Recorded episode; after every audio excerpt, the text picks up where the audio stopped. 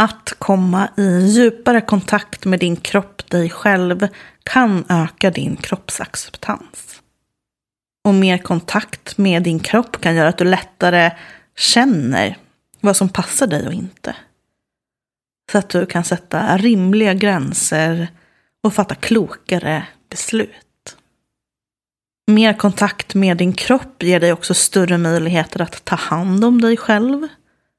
För det är ju först när du vet hur du har det som du kan ge dig själv det du behöver.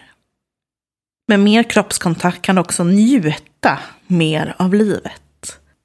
Både de storslagna ögonblicken men också de här små, små grejerna i vardagen. På mitt kroppspositiva retreat som jag håller utanför Malmö i maj så kommer du få öva på kroppskontakt på flera olika sätt. Och att göra det här på ett retreat är ju speciellt. Vi kommer ju ses fysiskt och du kommer men få dela med dig av tankar, känslor, upplevelser med de andra deltagarna och med mig. Du kommer bli sedd och bli validerad. Och du kommer ju få ta del av andras tankar, känslor och upplevelser. Få reflektera på nya sätt och få nya insikter.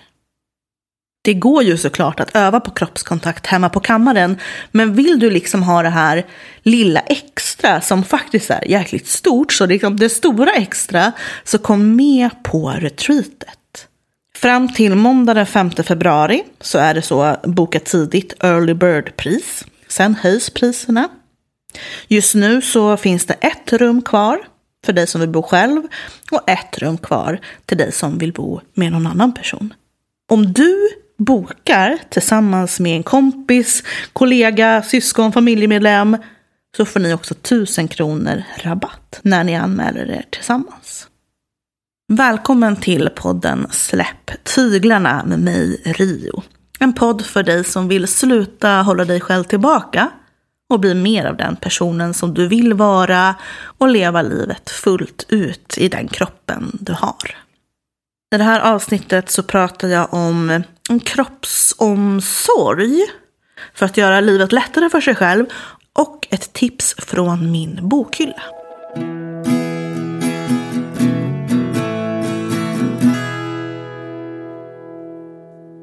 Nyligen så hade jag en rätt tuff dag framför mig.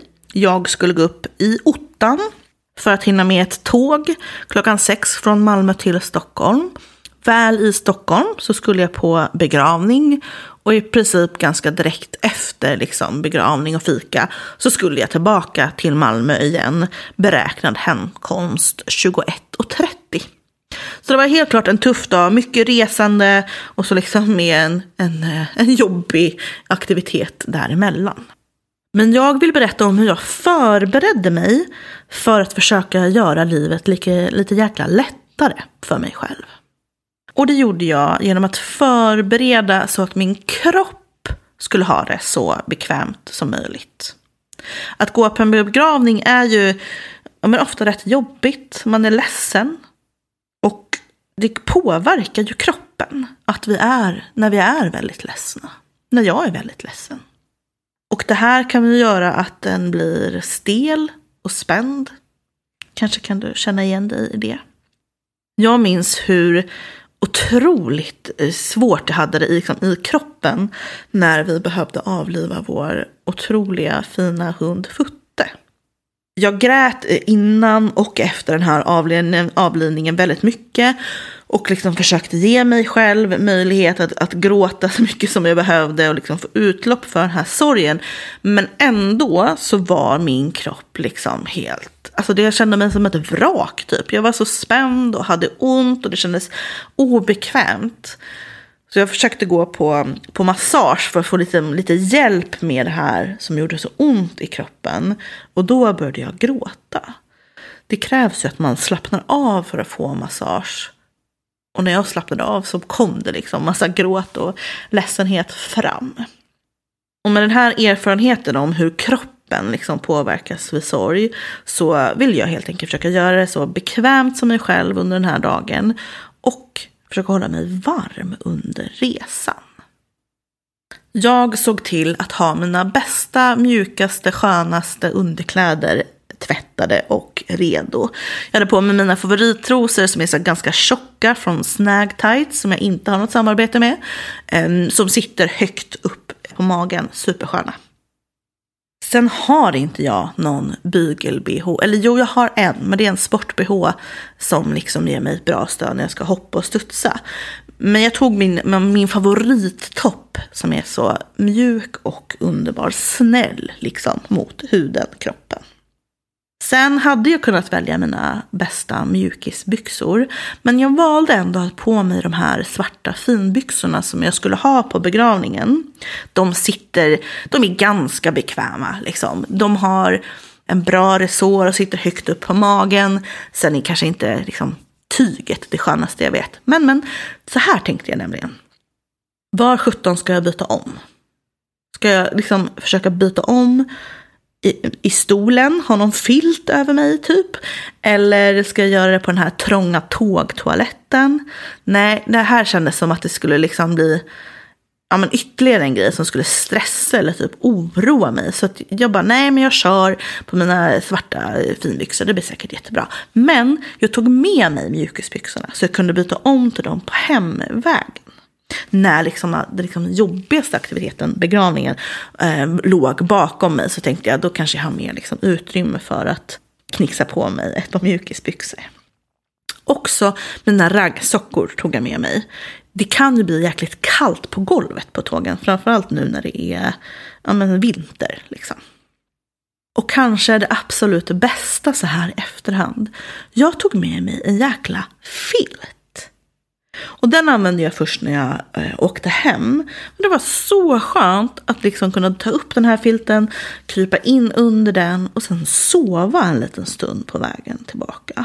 Det var, ja, det var så skönt faktiskt.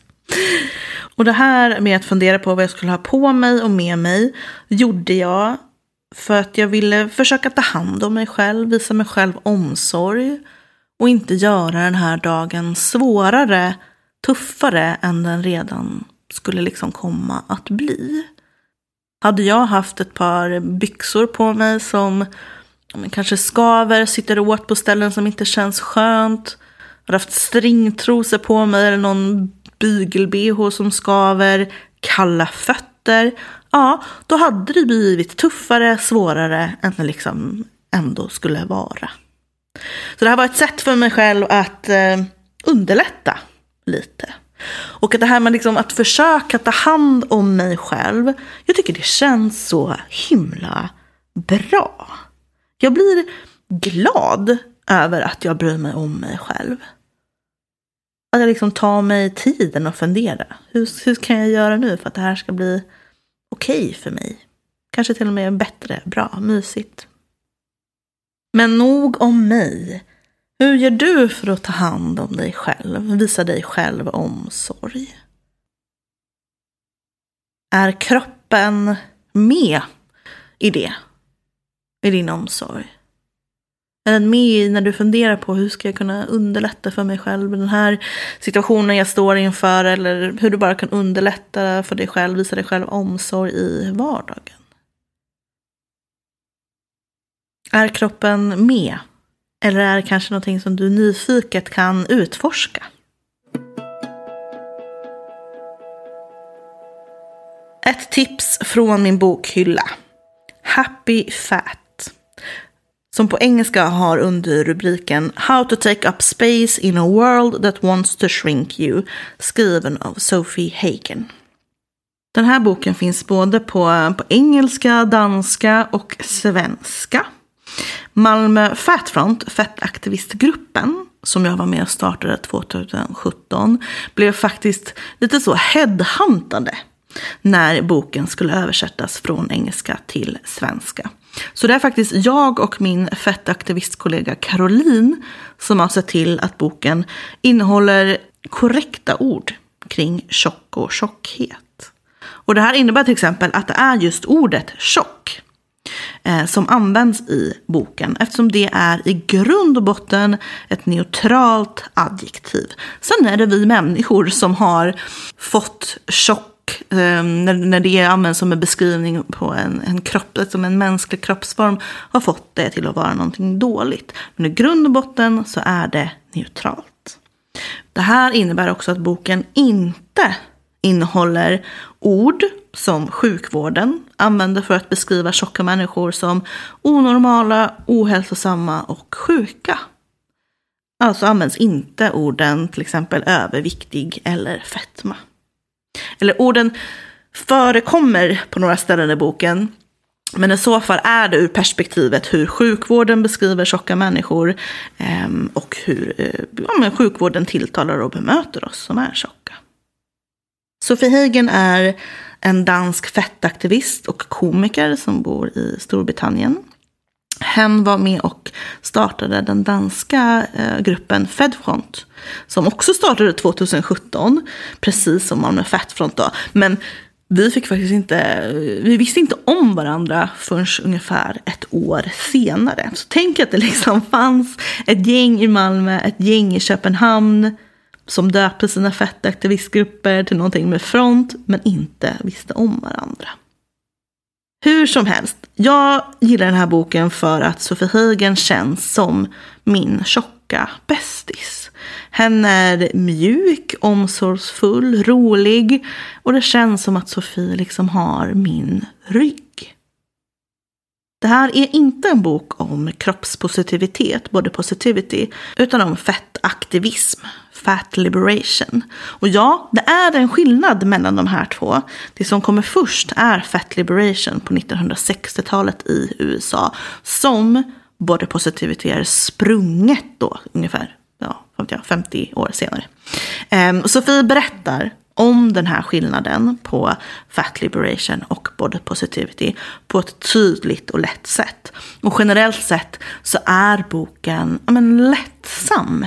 Eller skriven liksom på ett lättsamt sätt. Så det är lätt att förstå. Jag älskar också att Sofie använder den här plattformen som boken är till att bjuda in andra röster. Du får därmed lära dig hur man har sett på tjocka människor genom tiderna. Du får höra en röst om hur det är att vara tjock och transkille. Hur det är att vara tjock, rullstolsanvändare och brun.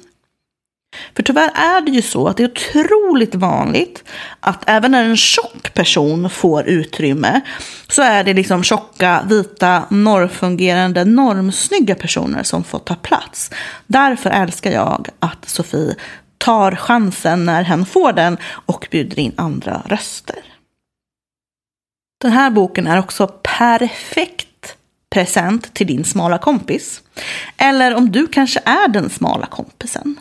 För den här boken innehåller ett helt kapitel med tips om hur den som är smal kan vara en bra, schysst kompis till tjocka människor. Vad man ska tänka på, vad man ska säga och kanske framförallt vad man absolut inte ska säga. Så det är lite som en guide. Och boken avslutas också med ett kapitel eh, som är då mer kroppspositivitet om hur du kan skapa en bättre relation till dig själv och din kropp. Så boken är som sagt eh, eh, liksom lätt att ta till sig och den har, även fast den inte liksom nödvändigtvis är längre än, än böcker är generellt, så har den ett brett spann. Att den går liksom från det här eh, fat liberation, tar också upp hälsa och att hon då ger utrymme till andra röster, till eh, din egen relation till kroppen. Jag rekommenderar den här boken som sagt varmt. Och ett litet så vardagsaktivisttips. Oavsett om du har läst boken eller inte, så gå gärna in till ditt bibliotek på deras hemsida och gör ett inköpsförslag. Att de ska köpa in den här boken så att den finns tillgänglig. Tänk att du kanske kan vara med och bidra till att någon på bibblan liksom hittar den här boken. Det kanske kommer öppna upp en helt ny värld för en människa. Som får upptäcka fettaktivism och kroppspositivitet. Så gör ett inköpsförslag hos ditt bibliotek och tack för att du har lyssnat.